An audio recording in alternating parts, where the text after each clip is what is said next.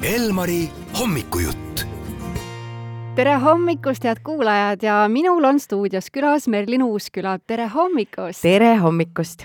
eile olid sa Tartus ja oli väga raju pidu. Mis sinu lemmikpäev ongi reede? no jaa, sellepärast et eh, hetkel on ju tulnud just välja minu album Raju reede ja, ja olen siis äh, tuuril, mille nimeks on Reedest reedeni ja olen siis igal reedel erinevates Eestimaa linnades. kasutasin võimalust ka Elmarisse tulla küll on tore, et just peojärgsel hommikul sa siin oled ja kui nüüd tõesti eile ei jõudnud, millal see järgmine reede on, kuhu saaks jaa, et albumi tuuril siis kõlavad uue albumi lood ja, ja muidugi saab ka albumit osta, nii et, et proovisin siis sellel korral olla eestlaste jaoks hästi kättesaadav ja ja, ja publiku jaoks olemas ja pilte saab teha ja selles mõttes tõesti, et ma ei lähe peale esinemist kohe kuskile ära, vaid ma olen inimeste jaoks olemas. kes eile Tartusse ei jõudnud, siis äh, on võimalik veel tulla ja kontserte on kõvasti veel ees, nii et kakskümmend neli november oleme Raplas Madhouse'is, esimesel detsembril äh, taas kord Lõuna-Eestis, Võrus, Klaap Tartus, kaheksandal detsembril oleme Pärnus Back to Bravo eriüritusel. ja viisteist detsember oleme Tallinnas Cafe Amigos ja siis reedest reedeni tuur lõpeb äh, Rakveres Virmas, nii et äh, kakskümmend kaks oleme me seal igal juhul väga nostalgiline on see kõik, mis sa siia plaadi peale kokku pannud. Äh, kui me jah, sellest Raju Reede albumist räägime, siis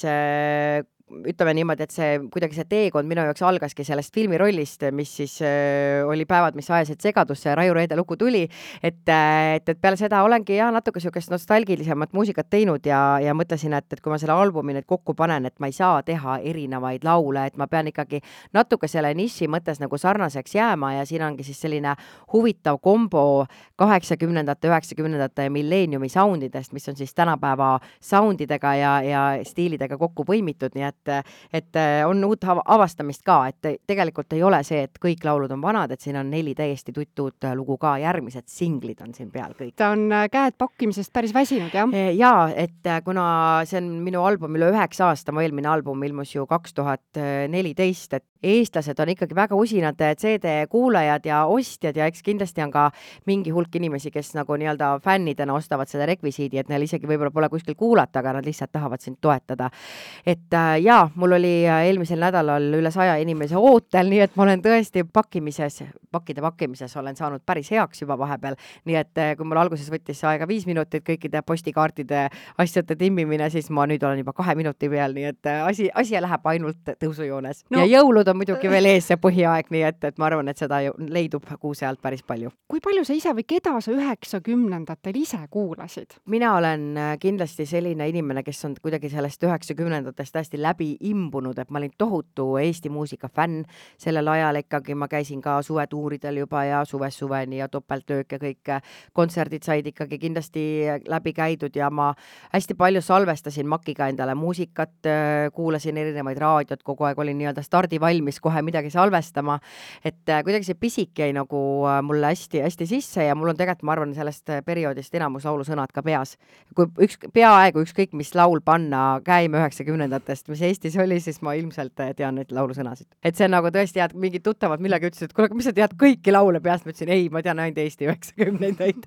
et, et peale seda läks juba see nii-öelda kuidagi see suund läks nagu laiemaks ja hakkasid ka rohkem välisartiste kuulama, aga ma arvan, et ja mingi periood ma kuulasin ainult Eesti muusikat. no homme on meestepäev Oi. ja sina ju ikkagi seal laval näed seal lava ees väga palju Eesti mehi mm. -hmm. kuidas sulle tundub, et kas nüüd võrreldes üheksakümnendatega see tänapäeva Eesti mees on nagu rohkem tantsulembelisem või? tead, ega üheksakümnendatel mina olin ju ikkagi laps veel, et ma nüüd niimoodi päris hästi ei tea, kuidas nad siis tantsisid. aga seal suvest suveni, kui sa käisid nendel üritustel siis ma olin lava ees ja ma ei näinud kedagi teist, et siis ma olin ise nii teemas juba seal, et ma ei tea, mis nad teised seal huvitav tegid. aga ma arvan, et võib-olla isegi üheksakümnendatel inimesed olid natuke rohkem lahti, mul on niisugune tunne, et kunagi noh, oli ju ikkagi selline suur vabanemise hetk see ikkagi Eesti rahva jaoks ja kuidagi kõik oli valla ja praegu on isegi natuke seda soojendust rohkem vaja aeg-ajalt, et et äh, muidugi Lõuna-Eestis on asjad lähevad kiiremini käima kui Põhja-Eestis, mul on niisugune tunne, aga üldiselt, äh, kui on ikkagi üks hea re-, raju reedepidu, siis äh, ikkagi mees tuleb ka lõpuks tantsima, see on tore. kui rajudad tegelikult sinu reeded on?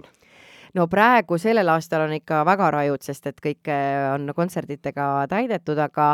äh, kui nagu niisugust, kui me nüüd lähme jaanuarikuusse, kui see tuur on läbi, et siis ma arvan, et kindlasti on rahulikum, et ikkagi pere vajab tähelepanu, laps vajab tähelepanu, sõbrad vajavad tähelepanu, et, et kindlasti proovin leida ka, ka aega teiste, teiste inimeste jaoks ja tegelikult ka endal on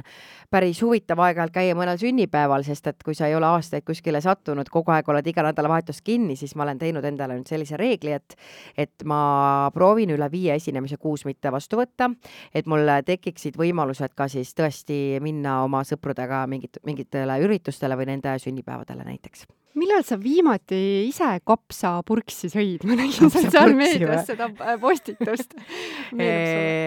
Mis on nagu hästi naljakas ja keegi ütles jah, et üheksakümmend viis tuli McDonalds ka Eestisse, ma alguses tegelikult ei teadnud seda, aga see on ka niisugune märgiline, aga mina elasin kunagi äh, noh, Tallinnas sellisel tänaval nagu Nõmme tee ja, ja see oli see koht, kus minu, öeldakse, et justkui see nii-öelda see lägaburger või see mhm. kapsaburger sai mm -hmm. tegelikult alguse, et, et, et tema oli kõige esimene, kes seda tegi ja siis hakati seda nagu kopeerima ja siis igal linnal on mingisugune oma retsept, kuidas siis seda tehti, et Tartus on kindlasti omamoodi, natuke Rakveres on omamoodi, Tallinnas on omamoodi, aga, aga kuidagi see algpunkt, ma olen nagu aru saanud, et ongi sealtsamast Nõmme teelt pärit, eh, mis oli kunagi snäkk kiosk, võib-olla keegi mäletab seda kohta. et ja nüüd on see muide Staap on selle nimi, nii et, et see on siis see originaal läga, lägaburgeri koht, jah. no aga sul ongi reedest reedeni linnast linna, sa saaksid ka taas ära proovida need nostalgilised nostalgilised, ma ja iga, iga reede üks burger on ju, et ja, ja kusjuures selle reedest reedeni tuuri ma panin ka selle suvest suveni järgi mm., nii et, et mul on nüüd reedest reedeni, jah kui sa saaksid endale kaheksateistaastasele Merlinile midagi äh, tarka öelda ette, mis sa, mis sa talle soovitaksid? et sellel hetkel tegelikult juba oli Nexuse projekt juba meil tegemises vaikselt äh,, aga, aga tuntus tuli siis, kui ma olin pigem, tegelikult ma olingi vist kaheksateist siis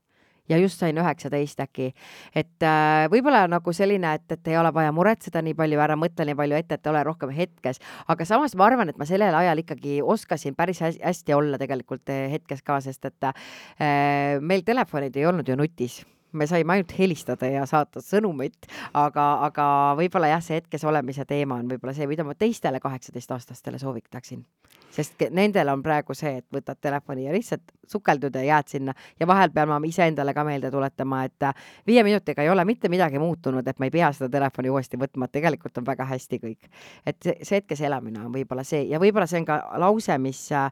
iseloomustab võib-olla niisugust üheksakümnendate perioodi rohkem, sest inimesed suhtlesid näost näkku rohkem. Ehm, sul oligi ainult lauatelefon, kus helistada teisele inimesele, heal juhul oli ta kodus, ehm, halvimal juhul pidid sa helistama talle järgmine päev tagasi, et aeg, aeg oli aeglasem ja, ja kuidagi sul oli rohkem seda ehedust võib-olla, et, et see on äge asi, mis ma arvan, et sellest perioodist võib-olla oleks tore, kui saaks praegu kaasa võtta. kindlasti osaliselt tood ka tagasi ja järgmisel reedel juba silmast silma saab tulla sinu juurde äh, plaadi küsida ja sinna ka autogrammi ja, sisse panna. jah mm, -hmm. nii et jah, järgmisel reedel olen Raplas Madhouse'is aitäh täna hommikul siin laupäevas äh, meid külastamast ja, ja vägevaid reedeid äh, aasta lõpuni välja. ja, nii et soovin teile mõnusat aasta lõppu ja järgmisena kuuletegi siis äh, uut singlit aasta tuhat üheksasada üheksakümmend viis. raadio